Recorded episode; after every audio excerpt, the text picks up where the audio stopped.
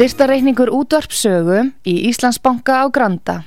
Útubú 513, höfubók 26, reikningur 2.11.11.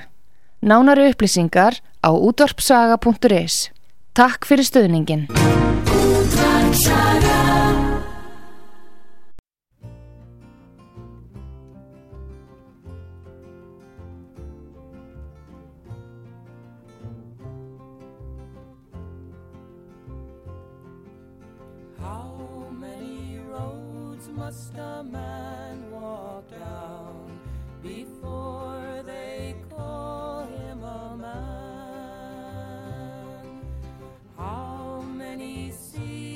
Must a white dove sail before she sleeps in the sand? How many times must the cannonballs fly before they're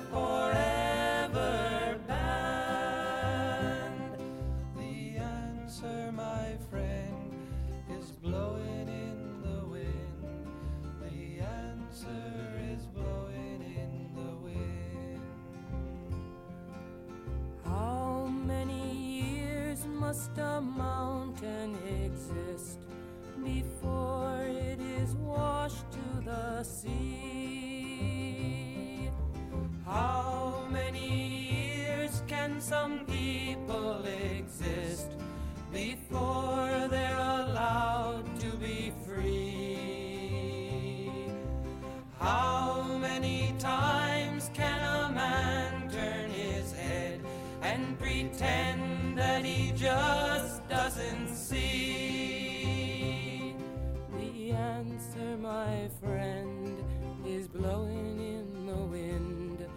The answer is blowing in the wind. How many times must a man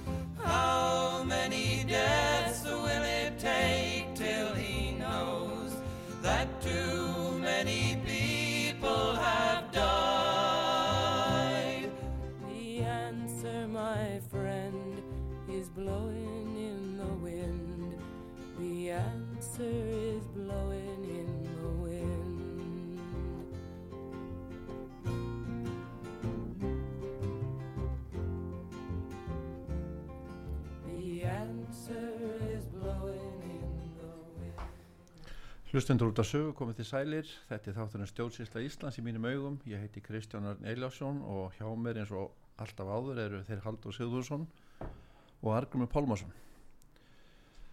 Uh, Haldur, ó það er dýrlegt að drotna, Það er alveg snildarbók eftir Guðmund Sæmundsson.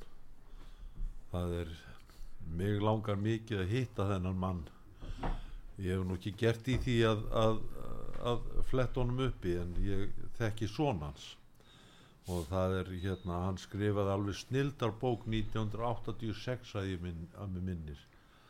Og hérna, ég á þrjú eintök af henni. Ég týndi fyrsta eintækinu og sá svo annað eintak og svo týndist hún og, og ég kefti þriða eintakið.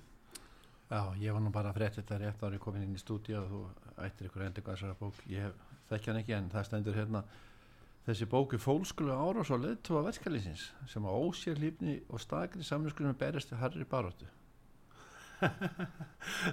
Þetta er ekki beinlýsingin sem ég hef af bókinni. Nei, nei, nei, En hann gerir grín að verkalýsbaráttunni þarna í þessari bók. Og, Svo, og hann raukstiður allt saman sem hann segir í bókinni og þetta er stilt upp þessu kennslubók og svo eru svona æfingar sem á að taka eftir hvert kabla. skil þig. Um, Þorsten Pálsson botnar ekkert í Lindakólslindinni, Argrymur. Er, botnar þú eitthvað í henni? Lindakóls lindin já, ég meina hún er hún er einn endalust lind það er bara, þetta er einlega eh, stór kvika eða er botlis hóla málið er það, ég held að Lindakúl sé staðista rán veraldasögunar ég held að sé staðistu óheðalgi sem nokkuð tímur hafi komið upp í veröldin Lindakúl. Og ég held að menna ég að, sjá- að það eftir að koma í ljós Þóstin Samson, alltaf nú þannig miðflokknum ætlar að vera með kynning á Lindakúlsmálunu í miðflokknum á fimmtudaginn. Ég held að það eftir að koma í ljós að Linda, það, það slæri ekkert sem hefur komið upp á Íslandi Lindakúlsmálunu við það er bara mín persónu skoðun eftir að vera búin að liggja yfir þessi mjög langan tíma.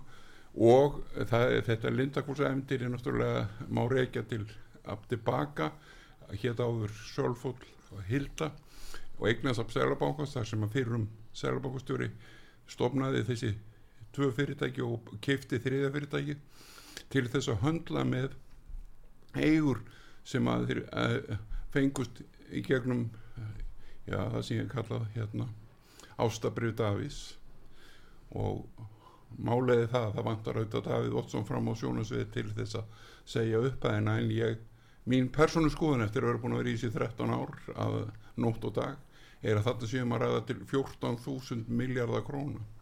14.000 miljardar króna sem er, er verið að svindla á í raun og veru öllum íbúum Íslands og þessum er, hefur orðið svona ofbóðslegu tilflutningur á, á það sem kallaði ríkidæmi. Menn eiga miljardar hér og miljardar þar inn á einhver reikningum sem ekki áttóða áður. Það er einhver ofbóðslegu peningaflutningur í gegnum þessa, þessi fjögur fyrirtæki sem að Sælabankastjórun stopnaði eftir að hann rak eftir að Stengurum og Jóhannar Ráku eh, hérna Davíð Ótsson úr starfi. E, menn ætti að lesa bók Svens uh, Haugard sem að var sem að tók við og starfaði fyrir Stengrim og Jóhannu í sex mánuði. Hann segist aldrei hafa kynst óheðilegra samfélagi heldur en því sem hann lærði að Ísland væri á þeim tíma. Aldrei. Uh, og hann skar, kemur með bók tíu árum setna akkurat tíu árum setna skrifar þessi maður bók þess að reyna að leta á hjarta sínu vegna van líðunar út af því hvað skeiði Þorsti Pálsson hann er náttúrulega fyrrvændi fórsturhára og for, fyrrvændi formaða sjálfstæðarflósins hann til furðu sæta að Birgir Armarsson til þess að geta setið á greiningar Sigur og Þórðarsson og sett sér ríkisendur skoðanda að hann fendi ekki greiningarina og uh, og segir já, hann, hann geti bara ekki gert það. Og ég fletti nú upp hérna á, á lögum um þýnskup alþingis. Þá er ég áttundu grein þar uh, í annari málskrein fórseti tekur við öllum erindi til alþingis og annast um afgjörslu þeirra mála er fyrir þingjur eiga að fara. Og svo uh, segir neðar að beina megi fyrirspunni til fórseta en þórstötu meina það sko hann eigi, hans hlutur sé bara að taka við þessu hann er náttúrulega að afhenda þetta þjóðkjörnum þingmönnum. Hann get ekki setið á sveit Má, þegar, þú kemur að þessum ágæta manni þessar ágætu personu sem situr í stólfósett alþingis í dag þá langar mér að rifja upp orð, orð hérna Jóns Þó Sólarsson sem er fyrir um þingma pírata, hann sagði þessi ágæti maður, þetta er sátta miðlari sjálfstæðisflóksins hann hleypur, hann er alltaf settur inn í allar nefndir til þess að koma málum í gegnum nefndin, alveg sama hvað það er. Menn færi bara í veikindafrí til þess að koma málun í gegn. Þessi ágætti maður hefur aldrei verið kosin á þing hann er alltaf verið uppbótar maður hann er uppbótar þingmaður hann hefur búin að sitja á þing í 20 ára og hefur, hefur uppbótar þingmaður hann hefur að sjálfsögðu enga heimild til þess og það er það sem Sigurður Þólaðsson eh, ríkisendur sko er alltaf að segja. Það er búin að ráðast á hans personu á meðan þessir ágættu menn er að fela skýslu sem er bara á að koma fram eins og allar aðra skýslu því að þetta er skýsla félagsins sem við köllum Ísland og þetta, þetta eru starfsmenn félagsins sem heyru 63 sem er að stjórnaði þetta kallast alþingismenn. Og máliði það ef að menn alltaf fara að vera með svona einhverja skömmtun að stæla á, á hvað er afhend og hvað er afhend ekki þá eru þeir bara frangum að glæp. Og það sjálfur hef ég fjallað um það ég mun kæra alla íslenska stjórnsýslu fyrir glæp gegn mannréttindum mínum fyrir glæpadómstól samveinu þjóðan í hag um leiðu því kemstanga ég hérna fletti líka upp á í miðjunni að uh, miðjan skrifar hérna hvað 2008. februar eða í dag? Nei já, gær- já, í dag. Birgir Þingfossett á í skýtverkum svo segi hérna Birgir Rámarsson er diggu þjótt Bjarnar Bendissonar áður kefðan allar tilunni þingsin til að breyta stjórnarskráni hann var fyrir vikið settur því merka embætti að vera fórsetur alþingis. Enn reynir á Birgir nú situr hann sem fastast á úteitt Sigur að Þórðarsson að fyrirvændi ríkisendurskóðanda um hefði lindáttónsfulla lindakvól sem sögum kalla nú lindarkvól. Það er önnur saga en það var höndla með miljardi eigu þjóðurinnar svo vitnast í, í, í Þorstein að, að hann krefst þess bara að þetta verða aðfengt hann get ekki setið á þessu. Hann getur ekki sittið á þessu og það er akkurat það sem hann það er akkurat það sem þósturinn er að benda á, hann getur ekki sittið á þessu. Hann bara hefur enga, einfallega ekki heimil til þess. Hann hérna, hvorki sem fóstið þingsins nýja sem eh, hérna uppbótar þingmaður. Og málið hann bara einfallega getur þetta, það getur enginn sittið á þessu. En sko Lindarkvoll e, hvaða eigur eru það sem er Lindarkvoll það er hérna það er að þessi þrjú fyrirtæki Sölfóll, Hildur og Eignarsafn Selabanka Íslands að þar var meiri hlutin af þessum svokalluðu eigum sem þar voru voru skuldabref sem var búið að afskrifa erlendis vegna þess að það var, það var, þau voru sett í tryggingar lána til þrautavara og þar erlendir bankar fengu tryggingar fjö fyrir það þegar, að- þegar að þegar fjall hérna bankarhunni var. Eh, þeir fengu svo skattaafslátt út á þessi hérna vera búið að hérna að afskrifa þessi bref og ég get ekki séð að Stengur Mjó Sigfússon og, og Már Guðmundsson máttu yfir höfuð vera að rukka inn þau bref enda það var alveg sett, alveg rosalega mikið áherslu lögð á það að þessi menn sem voru að borga af þessum lánum þarna til að byrja með að þeir skuldbreyttu þessum lánum yfir í nýlán náttúrulega þá mátti rukka nýju lánin en ég tel það að menn hafi verið blektir til þess að, að búa til nýlán í staðin fyrir lánin sem að þeir máttu ekki rukka.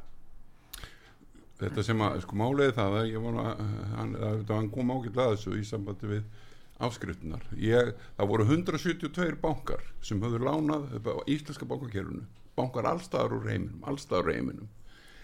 Þetta voru 14.000 talið 12 til 14.000 miljardar króna 12 til 14.000 miljardar króna sem að, að þessir 172 bankar höfðu lánað til Íslandska bankakerfisins. Og máliði það þeir afskruðu allir. Það afskruðu allir bankarnir hver einasti banki afskrifaði á Ísland. Vegna þetta voru rauninni smá peningar 2000 og, fyrir, fyrir bókast árið 2007 af því þeir höfðu lánaði 2007 og þetta var skatta árið það, það Ísland frundi 2008 sko og, nei fyrir ekki 2008 ætla ég nú að segja, þetta er skatta árið 2008 þá, var, þá voru hagnaður öllu bankakérun í heiminum. Þannig að þetta er svo margi bankar að þetta voru rauninni smápeningar og hvert banka stæðist í banki sem lánaðinga var held í Deutsche Bank. Eða mikið að japansku bönkum hafður lánaðinga mjög, á mjög lágum vöxtum. Og þetta var allt saman afskrifað. Þeir afskrifað allir. En Íslingar hafa heldur aldrei fengið lán síðan vegna þess að það voru einhver óheðurleg menn sem eru, uh, eru út um allan heim Íslendingar sem uh, áttu bankakerfið og er allt í konur með stóra reiknur út um allt og í alls konar braski.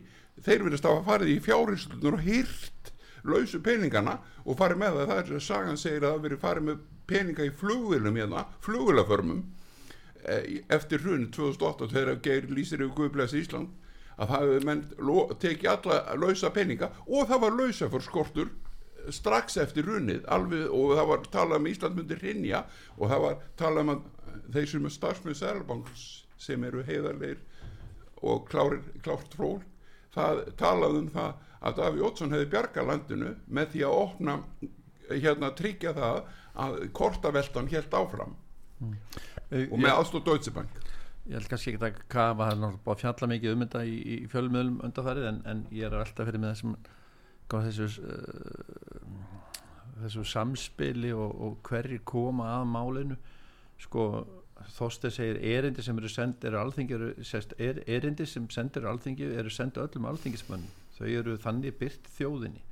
Hvergi lögum er heimi til, þing, uh, til þingforsett að leggja mat á hvort erindi er þess eðlis að enginn nema hann sjálfur megi lesa það og setji þingforseti erindi í lindaskjala safn án heimildar sendanda fer hann út fyrir vald heimildi sínar. Ég sko hvernig, nú fórstundar nú vil ég að byrja þetta og það hefur samþýtt hvernig getur uh, geta menn komist upp með þetta svona lengi? Ég, í svona opbóttlega óheðalur landi eins og Ísland er búin að sína síðustu ára týjina er þetta hægt? En þetta er í rauninni ekki hægt út frá korki stjórnáskrá alþjóðsamningum eða neinu öðru eða bara siðferði það er ekki hægt að leina þessu. Þessi skýrsla þetta kom út eftir tíu sekundur bara við erum að tala núna. Við erum að byrta hana. Hún ætti bara að byrtast í vikunni sko. Nei, hún, ég, ég, hún á bara að byrtast núna. Ég bara skil ekki okkur hver, hvernig menn getur bara að setja á þessu og, menn, og það er ekkert gert. þeir taka sér vald, það er engin lögga. Hún var lögður niður 1992 það er engin dómari. Það er engin fyrir vennulegt fólk að klaga til í þessu landi. Það eru allir í fríi en það sér mann hvernig landið er að brenna núna og hérna í verkföllum á vittlisu og þú segir bæði Stefán Ólásson hjá Eblingu eh, sem er búin að skrifa mikið um efnaðsmál í síðustu 30-40 árum var áður eh, dósend eða prófessor við háskólan hann segir það munnaði þúsu kallega tíðus krónu þegar menn hægt að tala saman í gerkvöldi þetta er, þetta er svona mikið þvæla hérna að e, það er, er einhver lægilegt og sjálfsæðu en það er svolítið annað það var búið að semja, ég held að það væri búið að semja síðustu helgi, nei það er verið að reyna ná einni personu niður og, og það er að landið stoppa fyrir til þess að reyna að ná einni personu niður Hald, Haldur, er, er, er ykkar afleðingar? Er ykkar afleðingar?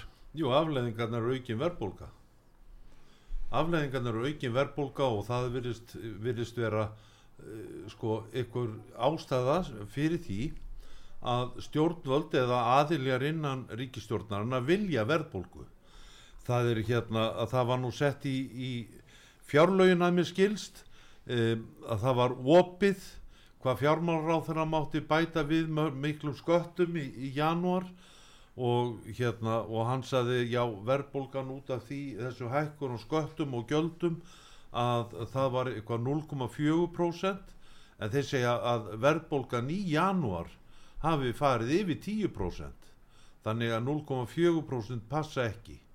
Og það er, mér, mín tilfinning er svo að það er fullt af fólki að segja ósatt og hérna og það eru það eru sko ég held að það séu margar ástæður fyrir þessu en maður hefur þá tilfinninguna að, að, að blessaða maðurna Birgir Ármánsson sem er mjög greindur maður að mínu mati og er það er gaman að tala við hann um svona almenn málefni að hann er settur þarna sem sem hérna hurðastoppari. Og hérna og það er náttúrulega alveg ljóst að mínu mati að þetta verður stór neyksli þegar þetta kemur fram. En samkvæmt stjórnarskrá Íslands 1944 sem 98% af Íslendingum samþykti að þá er skilda að leggja svona fram þetta var náttúrulega tekið út þarna 1970 eh, eitthvað sem þetta var tekið út. En það auðvitað áða að vera þannig og það er heilbyrði stjórnun og heilbyrðikt að, að almenningur í landinu fá að vita nákvæmlega hvað er í gangi. Og ég hef raukst á grunum að það sé ímislegt óreitt í bókaorninu í, í, eh, set, í skuldum ríkisins eftir hulli Málega það talandum þessa verðbólgu sem þeir allir að tala um hérna núna. Þá er, þá er skemmtileg frétt frá Japan. Það er um Japan hún, eh, þeir, þeir glíma, glíma verðbólgu eins eins og er eh, mjög víða í heiminum í dag mjög víða.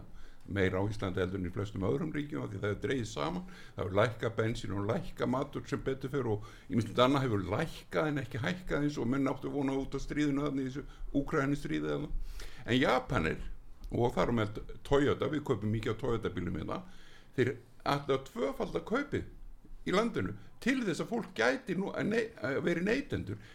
Hér erum við að draga alla neysluna út úr götu, frá fólkinu og færa hann í einhver, einhverja bank, einhvern bankakerru í algjöri heimsku. Það er svo mikil heimska að það er einhver lægi líkt í miður.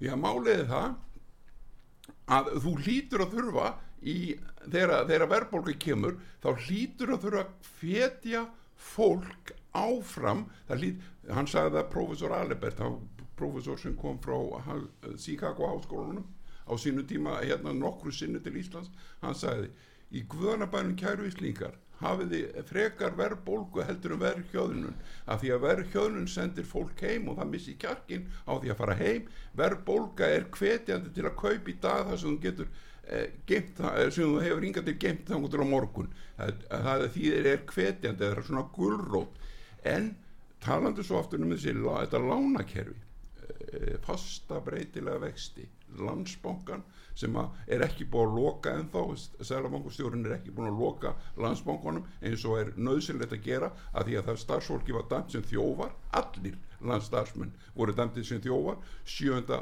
februar með dómi Björns L. Bergsonar dómar í hérastóð Reykjavíkur. Málið er það, hann feldi dóm sem er yfir öllum starfsmönnum landsmókus og það er ekki hægt. Og hann Breki Karlsson sem er formaði neytinsafnægina, hann hefur sagt þetta áviðum 70.000 lánasamninga og auðvitað við að rannsaka lánasamninga og við höldum áfram að pynta eitthvað annað í innimtum að maður fer á netinu þá, þá sér maður að sko, tala um þessa vasta hægtun menn tala um að ríkistjórnin sé að afnutun. Fórustumennir hafi talið sjálfum sér trú um að síndarheimið þeirra sér raunheimur og svo tala einhverjum um að fara með fórengar ríkistjórnan í snöðmyndatöku þetta eru svona setningar og frasa sem maður heyrir eh, eða sér í texta hér og þar. Ég myndi, greinilega- skammast mér fyrir að reyna að stjórna þessu landi á svona að kjána hátt eins og ég ger það er greinilega mikil óvæna sko, með þetta ástand eða Það eru auðvitað lagat ástand. Það eru lög í landinu.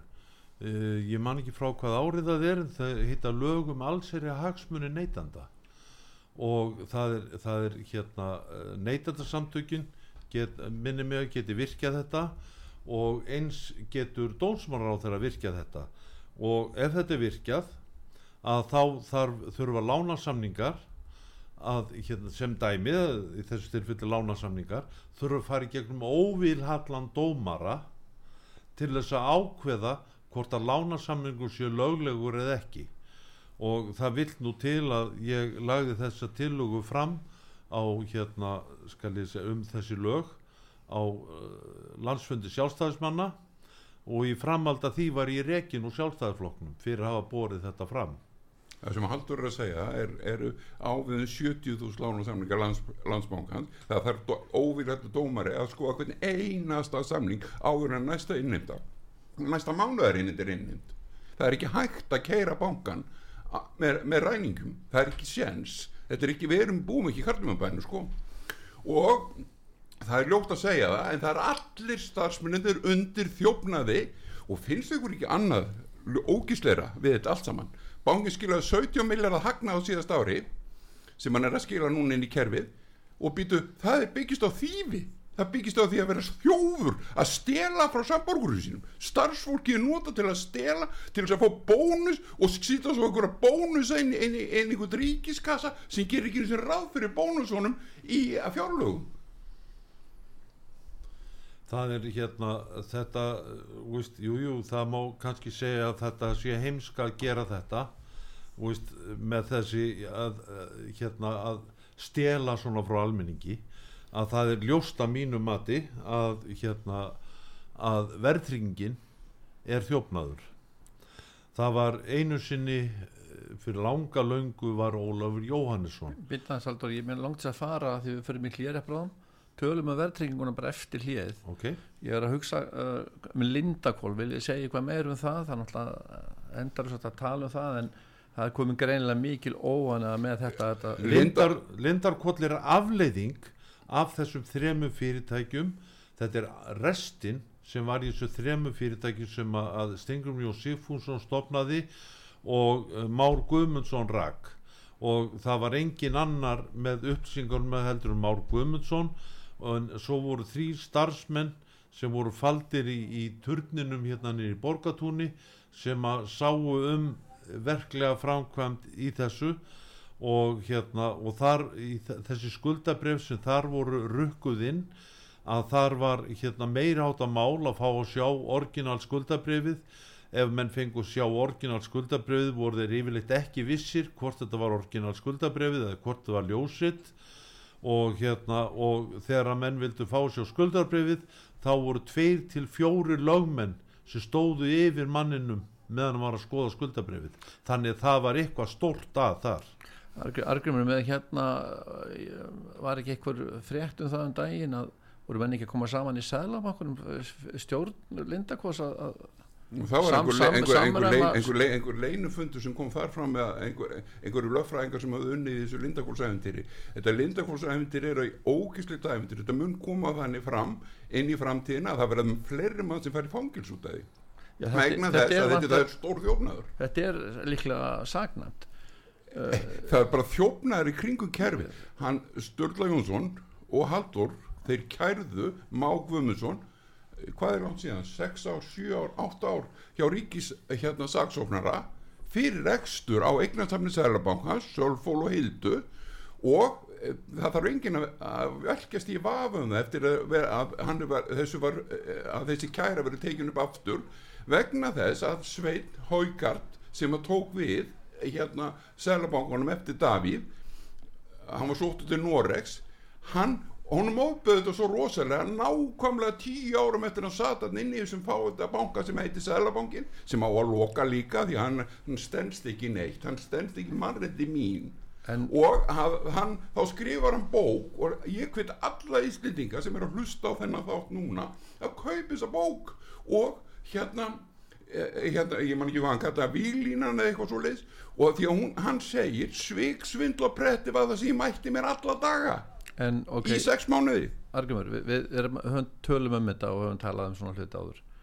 Já, það sem ég er að koma að, sko, en það breytist ekkert. Það er talað. Að það er enga breytingar. Menn komast upp með afhengt ekki skýslur er tveir, þrý menn sem bara sitja á henni eða einn eða tveir og, og hérna og það er ekkert gert og, og, og þetta gleymis bara með tímanum að menn nenn ekki að elda þetta. Og ef það er eitthvað sviksanalt í þessu og ef það er eitthvað refsivert í þessu og hérna blandast einn fyrirverandi eða núverandi hæstartadómar í sem dæmi hvernig eh, eigum þá að treysta dómsýslunni? Og þú veist það er allir í þessu virðist vera og e- e- e- ef, að- ef að þetta innan gæslapa, hvað er þetta? Var eitthvað sem var fór úrskeiðis að átt að vera öðru í sí og við þurfum að koma að staði þingmenn fá ekki, sko, fá ekki bref sem er því að að það er setið á þeim. Hva, hvernig á að breyðast við þegar þingmenn byggði ekki um neitt. Þingmenn er ekki að gera nút skapaðan hlut. Þetta er, þeir eru bara að fara þykja að kaupa sitt. Þetta er bara, þetta er bara grautargangur í, þú horfður Reykjavíkuborg eh, með sveita þingi hér er bara, menn eru bara að leika sér þar og alveg eins og alþingi. Þetta er bara leikur, þetta er bara grautaragangur og ekkert annað en grautaragangur og þeir verða allir dregnir til ábyrðar en þeir eru auðvitað sæ, eiga að sækja ef þetta væri eðlilegt land þá myndu þeir sækja allar hamast í því að fá allar skýslur fram og rannsaka, rannsaka, rannsaka, rannsaka og kalla á löggun, alþjóðlögruna og Interpol og Europol og allt þetta dót til að koma. Haldur, eru menn bara að býða eftir leinatekkanum með mánamatinn Já, það er náttúrulega þingmenn býðið til launatíakanum og það er, ofnbæri starfsmenn. Allir við hefum ekki heimsmet í ofnbæra starfsmenn með við fólksjölda í landinu? En ba- bara að nefna þessu dæmi að, að á fyrir þennan þátt þá röldi ég aðeins út fyrir til að fá mig ferskt loft og þar hitt ég gamlan góða vinn minn búin að vera vi- vinir frá unglingsárum. Og hérna ég spurði hann hvort að hann var eitthvað búið að hlusta á, hlusta á þessa þætti hann sagði nei það er því miður, það er tilgangslust að hlusta á þessa þætti. Nú af hverju er það? Vegna þess að það er ekki þetta að gera. Við að maður, það er hérna ég hef nú ekki kosið í 30 ár og hérna vegna þess að það er tilgangslust að gera það. Ég hef verið í að sapna undirskriftum þegar, til þess að menn megi bjóða sér fram sem er náttúrulega ólöglegt. Það er hvergi í stjórnarskránu um það að menn sem bjóði sér fram til alþingis þurfa að fá undirskriftir, meðmælendur. Eh, en hérna að hann segir, það þýðir ekki það verður aldrei breytt þessu verður ekki breytt það getur ekki skeð annað. En það er hérna an, en hann uh, hérna aðarritari saminu þjóðana þegar ég náði tala af honum hérna í Háskóla Íslands hérna um árið þá sagði hann að þetta væri þeir væru með sér lögreglu sem að kæmi til landsins fái, fái samin þjóðunar bóð frá réttum aðilja að koma til Íslands. Hver er þessi aðali? ja, það getur verið stjórnmálflokkur alltaf það getur ekki verið neytindarsamtökin það er, það er hérna það er ég, það þarf að vera ábyrgur sterkur aðili innan landsins sem einhver samtök sem byggjum þetta þá sagði hann það er komin þá mannréttarlörglan er komin hérna innan 72 tíma. Við uh, gerum þá smá hlýða hlýðum á auðlýsing og komum aftur.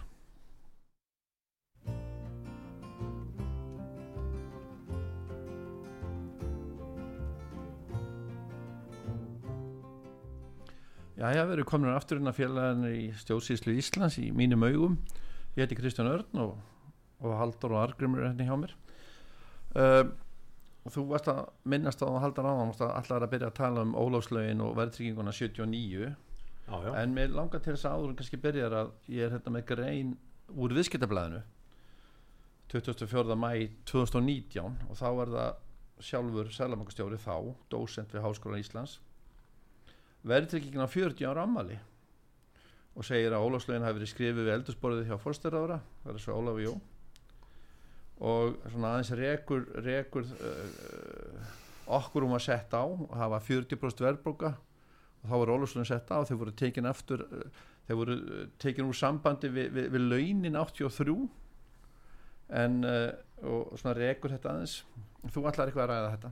Já, Ólafslaugin það vill nú þannig til að það er ekki hægt að googla þetta Ólafslaugin eða það er að segja 39. grein laga nr. 13 frá 79 það er hérna það er hluti verðtryggingar í Ólafslaugum og þar stendur uh, ég fekk þetta set, ég fekk sendt þetta frá uh, góðu fólki á alþengi Íslendinga á pappýrum það þeir áttu til hérna pappýr sett yfir þessi lög og það var ljósita fyrir mig og mér var senda þar stendur innlánstofnun sem tekur á móti verðtryggðum innlánum má lána sömu upphæð út verðtryggt. Og þetta átti vera náttúrulega hann Ólafur Jóhannesson sagði að þetta ætti vera ákvað þetta þessi lög ætti vera til bráðabyrða en þetta er bara hlut af, af stórum löngum lögum. Og hérna síðan náttúrulega í, í samningum sem voru gerðir þarna að þá var það samið um það milli hérna í verkalýsreifingunni að launin yrðu verðtrið líka. Og þetta var náttúrulega höfrungarlaup hvort hækkaðu undan eh, hérna sett verðtringin eða launin. Þannig að þetta var náttúrulega allserja vittlis úr þessu. Og þeir náttúrulega bara stoppuðu það að launin hækkuðu í samráðu við, við vístölu en síðan er skal ég segja líða, líða áratugirnir. Ver, verðbólgan fór þarna 83 fór hún upp í einn mánuður fór þau upp í 141% ver, verðbólgan. Síðan er það set, eru við að ganga í EES og þá tökum við upp þarna nokkrar hérna e, ég man ekki núminn á þeim það eru tvær EB reglugerðir og hérna og þá voru sett ný neytendarlánslög á Íslandi sem bönnuðu verðringu þannig verðringin var afnumin 23. januar 1993 þegar að, þegar að verðringin var afnumin þá var uppi fótur og fytt hjá allavega einu bankastjóra Stefán Pálsson heitir hann eða hétt hann, hann er nú fallin frá og hann skrifaði í blöðin að nú verðum við hægt að lána verðri lán, nú má það ekki lengur. Og þetta hérna, þessi lög eh, voru í gildi þarna þá til í september 94 að þá var hérna búin til önnur neytendalánslög og í þeim lögum var undan þáa fyrir ef að, ef að lánir var veðtryggt í íbúðarhúsnæði það mátti ekki ef einstaklum keftir innarhúsnæði Já. þá mátti ekki vera veðtrygging en var bara ef það var var veðtrygt í íbúðrúsnæði þá mátti vera veðtrygt mátti vera veðtrygt, ekki skilda tala Og um hérna síðan- at, atvinnu, atvinnu sem er einhverjum atvinnubúskap og, og, og, og einstaklingi.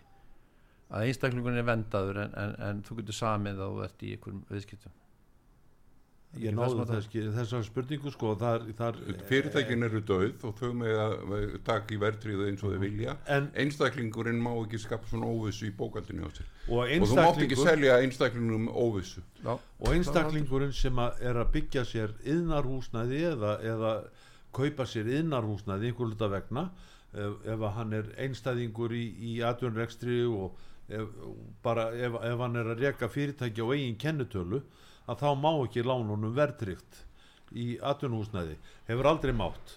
Og, og verðtryngin í, hérna, í lánasamningum er náttúrulega óeðlileg. Hún er á móti öllum mannréttindum og, og, og þess áttar og, og á að gefa sér stað. En síðan í framalda þessu það líða þarna eh, þáka til hérna 2001 11. janúar 2000 Ég kannski set- ekki sett að, fyrirgjöð þarna, 1993 þegar eh, lögin voru sett þarna sem, sem lefði ekki verðringu lengur að það voru 40 þingmenn eða 44 þingmenn sem samþyktu þessi lög og það var ekkert mótatkvæði. Síðan uh, byrja, kemur lögin aftur þarna 94 og þau eru náttúrulega í gildi með þessar undaþáu fyrir íbórhúsnæði þanga til hérna 11. janúar 2001 að það var samþykkt í desember frumvarp þar sem að þessi undaþáa fælt niður þannig eftir 11. janúar 2001 þá hefur ekki mátt vera verðtrygt lána á Íslandi hérna og þegar að- að selabankastjóri talar um þetta að það sé 40 ára ammali verðtringar að það er alltaf slitrótt ammali þegar að það eru, þegar að það eru kannski 20 ár rúmlega það Ég- af þessu tíma sem að ég, ég, ég ætla aðeins bara að því ég er kannski ekki kannski að hugsa um einhverja sögurskýringu að fara yfir, ég er bara að hugsa um bara núna í dag Já. og, og framtíðina við höfum lögum vext og verðtingu núna það, það er til og, og hérna þannig að við getum við, ég má ekki vera að þessu sko. ég get ekki staðið í þessu sko. Eiga að hringja í þetta. aðja, Argrymur ætlar að kæla þess aðeins að þú vilt meina með, með um lög og, og vext og verðtingu þú vilt meina að það sé þá ekkert í, í hérna ef stendur í lögum vext, vext og verðtringu hvernig ná, hvernig ná að, að hérna reikna út verðtringuna nei, ja, sko, nei, nei það, ég, ég, stendur, einhvers það stendur ef lán er verðtrygt en stendur einhvers það megi vera verðtrygt það er náttúrulega þetta var allt saman felt út þegar 39. grein laga hérna ólaslögin eru felt út Já, já, þegar því vorum að tala um óláslögin sko, verðbókan, hún fór upp í 100% Manst þú eftir þessu? það fór upp í 141% Já, hún fór bara á nokkrum árum upp í 100% úr, úr, úr, hérna, úr 40% þegar óláslögin voru, voru sett já, já. Þetta, þetta espaðist upp hérna verðbólgan espaðist upp út af verðtringunni og ég lít á verðtringuna og þetta þegar menn eru að rukka margkvalda verðtringu þá lít ég á það sem þjófnað. Og þjófnaður veldur verðbólgu. Og það er náttúrulega hefur, hefur sínt sig og sannað í gegnum tíðina. Í þessari grein hjónum áskeri Sælamakastur núna, núverandi þá segir einhvern veginn að óðaverðbókan gagnaðast áhrifða miklum hópum eh, til að mynda stórfriðingum og 68 kynnslóðin talaranum og meðan að kynnslóðinu undan tapaði, tapaði æfi sparnaði sínum og, og svona menn voru að verja sparnaðin og, og reyna að halda þessu í gangandi. En og hann segir svo að uh, verðbókan stóði í 40% þegar ólaslögin komum fram og hækkaði eftir samþykki þeirra til 83 en hún sló í 100% þá. Vextu voru ákveðnur á stjórnmálumönnum og fylgdu ekki verðbólgu stjórnmálumenn ákveðu vextina. Uh, raunvöxt voru því uh, sko mínus 20% en allan 8. áratögin ávöxtun lífriðsjóðana var enn verri eða allt að 40, mínus 40% og hérna hann talar um uh, þau hefur samt skipt sköpum um leið og, raunvistar hættu að vera neikvæðir hagnaðist enginn á horri verðbólgu. Það breytti hennu pólitíska landsleið að lokum kallaði það stjórnvöld til raunverulega aðgera fyrsta skrifu var tekið árið 1983 þegar að stjórnvöld líst yfir fastgengi og afnámi vísitölu tengingu launa sko. þetta afnámu bara tenginguna við launin já, já, en þá lækkaði verðbókan og svo var hérna til þess að klára þetta að loka hann ykkur 1989 með festingum krónunum við kröfu gjaldmila eða de facto þíska marki sem flestar af myndi voru þá tengda við og síðan þjóðarsátt á vinnumarkaði 1990 þannig að hann tengir þetta þjóðarsátt á vinnumarkaði já, já en sko þar verðbólgan var búin að vera í mörg ár á undan. Ólöfslegin voru sett. Það, var, það voru þarna skal ég segja eh, það voru sífældar gengisfellingar sem var vegna þess að þar menn eh, augljóslega kunni ekki að, að reka fristihús og þeir örfáu menn sem að ráku fristihúsum seldu sjálfur þeir síndi alltaf hagnað en það voru flest fristihúsin voru að selja í gegnum sölusamtök og þau fristihús voru alltaf á barmi gjaldróts og það þannig að þurfti að, að hérna að e, fellagengið skipti eftir skipti. Og þetta var, það var allt vittlust í þjófélaginu það, eh, það, það stóð ekki steinni við steini. Það er ef maður vildi kaupa sér nýjan bíl átti kannski tveggjára gamla bíl að þá hérna þá gæti maður kipt nýjan bíl fyrir læra verði heldur fjækst fyrir gamla bíli með smá sniðu heitum og hérna þetta þe- þetta náttúrulega skapar stórfælt ruggli í þjóðfélaginu. Já, já, og það er hérna og hva, hvað höfum við til ráða við þessu? Það er náttúrulega það er eh, fólk hérna þarf að vera samhent í þessu og hérna og að stoppa þetta. Við höfum engan fókita við höfum engan aðilega sem við getum kært þetta til. Og sem, sem dæmi er við vorum að tala um Sælabankastjóra að ég og Sturla Jónsson fórum sett á kynningafund þar sem hann var að kynna 180 eitthvað blað sína bók sem hann skrifaði um verðringuna og hérna skal ég segja þar kemur fram í þessu fyrirlestri hans eftir spurningu hjá mér að hérna að ef menn voru með 40 ára lán með 4,15% vexti og 4,8% verðbólgu að þá voru menn að borga verðtrygginguna fjóru sinnum. Ég spyr bara á hlustendur hérna hefur einhver svo þið þekkið skrifað undir það að borga meirinn eina verðtryggingu. Og það er, ég kann nú ekki alveg í öllu smáadrum söguna þegar að reknireglan var breytt en það var eh, sett, fyrst til að byrja með þá rukkuðu þeir inn verðtrygginguna þannig að hún var einföld.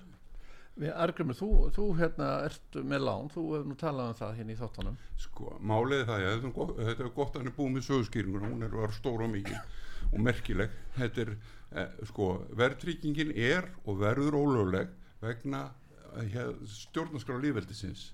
Hún hefur aldrei verið og verður aldrei lögleg. Ástæðan fyrir verðtryggingunni lærði ég í háskóla bjó á, á fundi hjá, hjá hérna hagsmunasamtökum heimilun sem þeir stóðu fyrir þúsund manna fundi. Það var kanadísk kona, kennari við hérna háskólinn Reykjavík sem sagði frá því. Hún benti á það að það var á þessum tíma óðaverbolga í öllum heiminum, í öllum heiminum. Ísland var engin undantekning.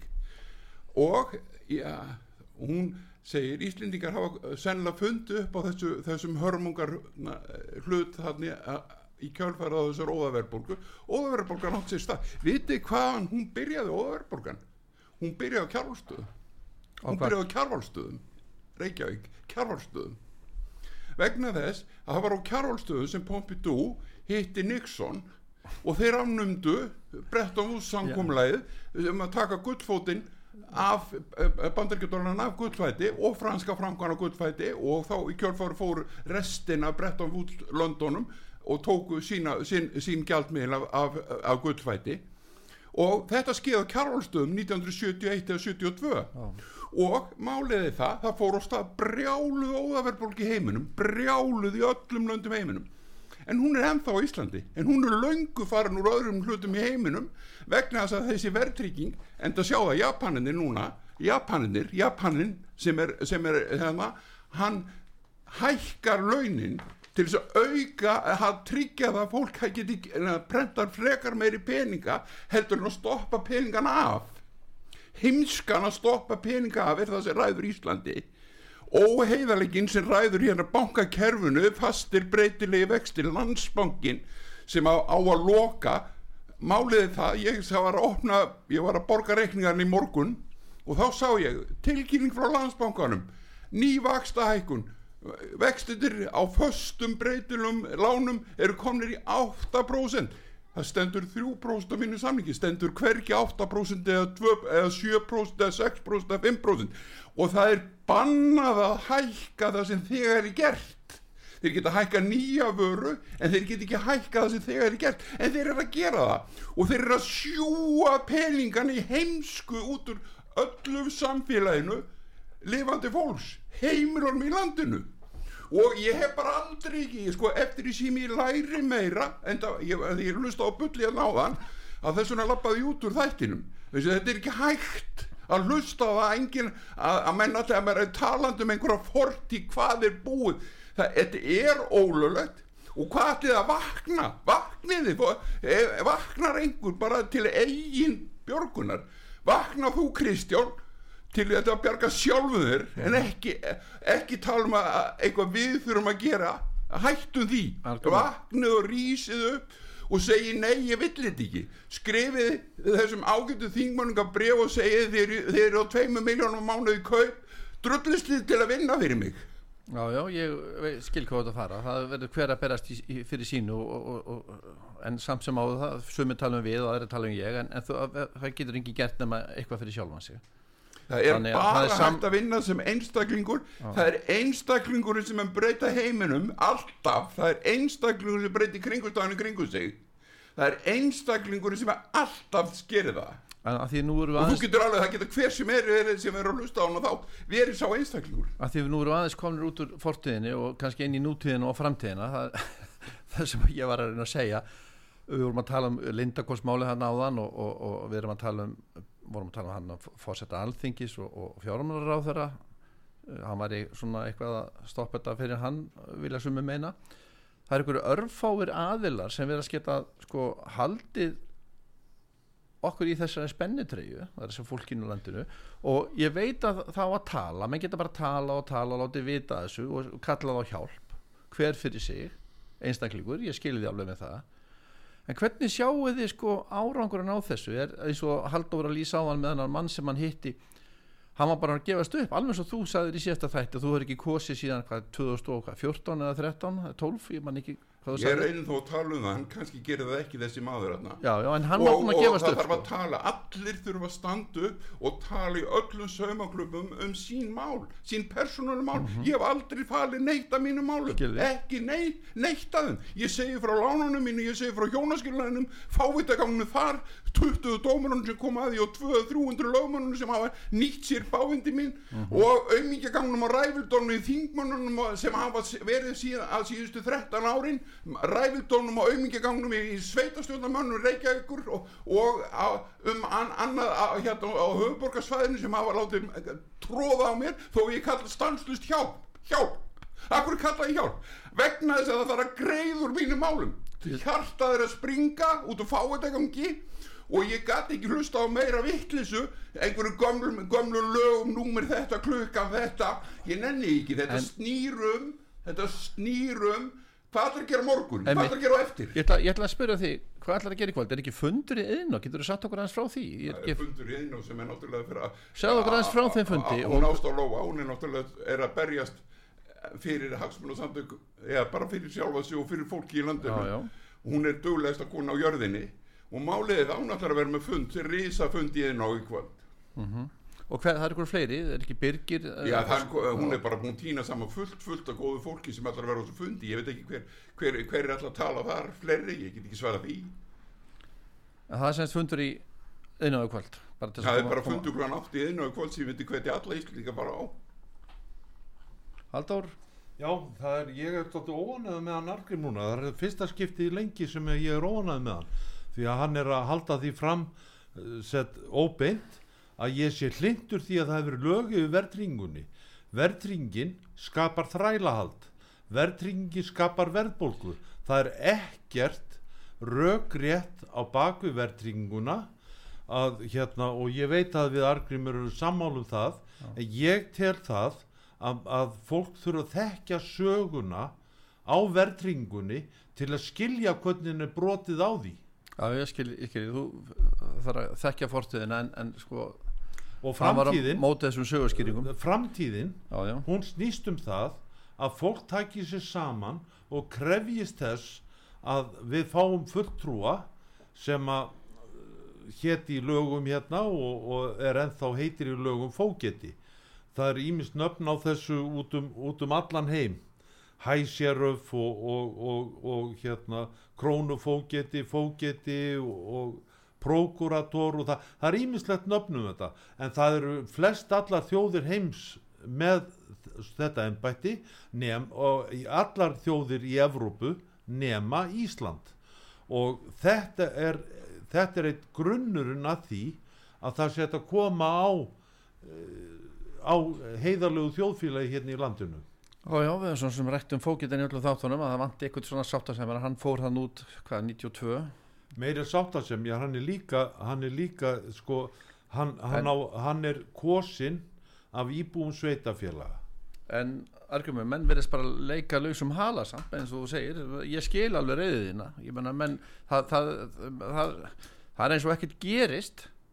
Í 13 ára er ég búin að býða eftir því, ég er búin að tala í hverju mig, ég er búin að vera á fundum út um allt, skrif út um allt, ég er búin að skrifa hann eitthvað fjóra eða fimm miljónur e-maila, kallum hjálp og auðlega hátturinn er svo mikil, ég er búin að hafa það búin að lofa með fundum hér og þar, þessi sviknir að því mandómsleysið er svo hræðilegt að það er einhver lægileg. Málið það að ég vil ekki búa við svona kringustæður ég vil fá bara bætur fyrir þetta svo ég geti komið um burtið þann burt á þessu landi. Ég nenn ekki verið í svona landi þar sem hann er fólki sjálft er orðið svo afkvæðalaust að, henni, að það nennir ekki að hugsa um það, að, að, hvað er að ske í landinu og það er akkurat það sem er að gera. Menn taka bara fastri föstum breytilum vöxtum.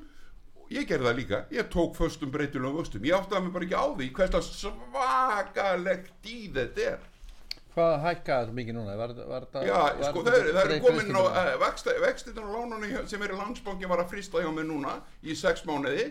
Að, að það, það hefur farið upp um 6, en 5% á 6 mánuðum 5% og það eru 230.000 krónur hækkun á mánuði. Og, ég, og það er verið að tala um að þessi byrju selabankastjórið hana sem á að loka landsbankunum vegna þess að hann ber ábyrð á fjármálættilindinu og það er fjármálættil sem á að loka þýfi eh, stað sem, hefur, sem er dæmt, dæmtir þjóvar Það, við gerum það í Kardumbænum var meiri sé að Bastian og eh, Kaspir, Jasper og Jónatan voru teknir Já, já, kann- kannski enda þannig. En Haldur, það er til hæðstæðdómi fyrir því. Ef að hlutinu stendur ekki í lánasamningnum þá er það ekki samningnum.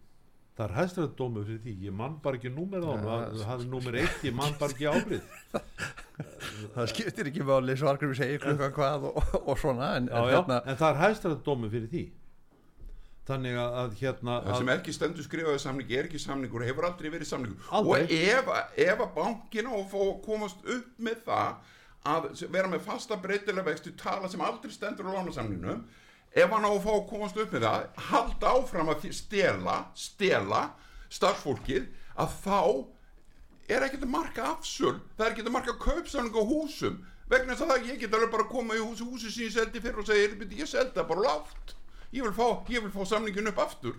Ég vil fá, ég vil bílinn sem ég seldi í, í síðustu viku. Ég, get, ég bara get sagt ég vil fá hana ég vil fá hækka, hækka verða á honum. Það er, og það get allir gert og þá sérðu hvernig skrautaragangur er komin í gangi í landi Algrimur, þú hefur nú smá, þú hefur nú reynsluð þess allir saman. Hvað hérna, eins og þú er búin að gangi í gegnum og, og, og hérna með eignir og annað. Hvernig sérðu fyrir þið næstu já, tvö, þrjú kannski fimm ári, nú er vextir að hækka aftur og þetta er komið í, í tekjastefa tölu.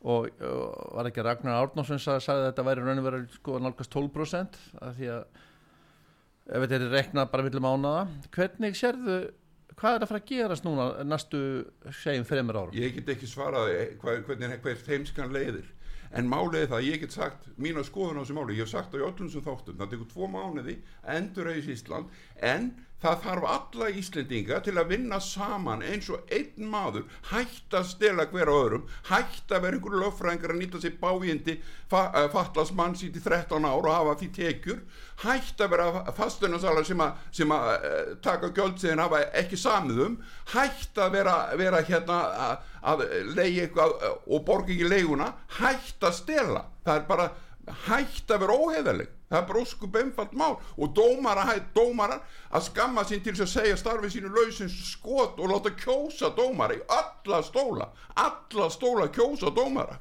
Og má ég bæta við að, hérna, að þeir alþingismenn sem ekki treysta sér að vinna fyrir Pétur og Pál almenning í landinu að það er bara heilu skilda þeirra til að segja af sér og hleypa að fólki sem vil vinna fyrir almenning.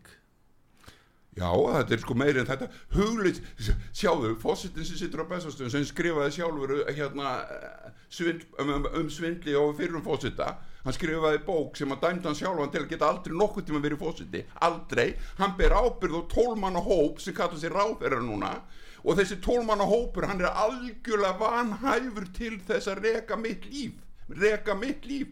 Þetta er fólk allt saman sem að mun þurfa, þurfa að taka veski heimilsbókaldi sitt til þess að borga mér tjónabætur. Og það er mjög sniðut að það sé svoleiðis. Mér finnst það bara alveg ræðilegt eins og ég komið inn á áður sko, ég, svona, með þessa ráþara ábyrð því að þeir bera sko, pólitíska ábyrð og svo lagalega ábyrð en því þessu verður ekki viðkomin nema alþengi hrópli við þessu. En það bara er engin vilji hvorki að fá lindar skýslunum lindakól eða að, að ráð þeirra axli ábyrð Þetta ég bara, viljað sjá hennan frábæra þingmann sem var hérna á sem er löffræðingur að ment, Egil Ránonsson sem held ég var hér á undan okkur með frábæra, með frábæran, eh, frábæran þátt.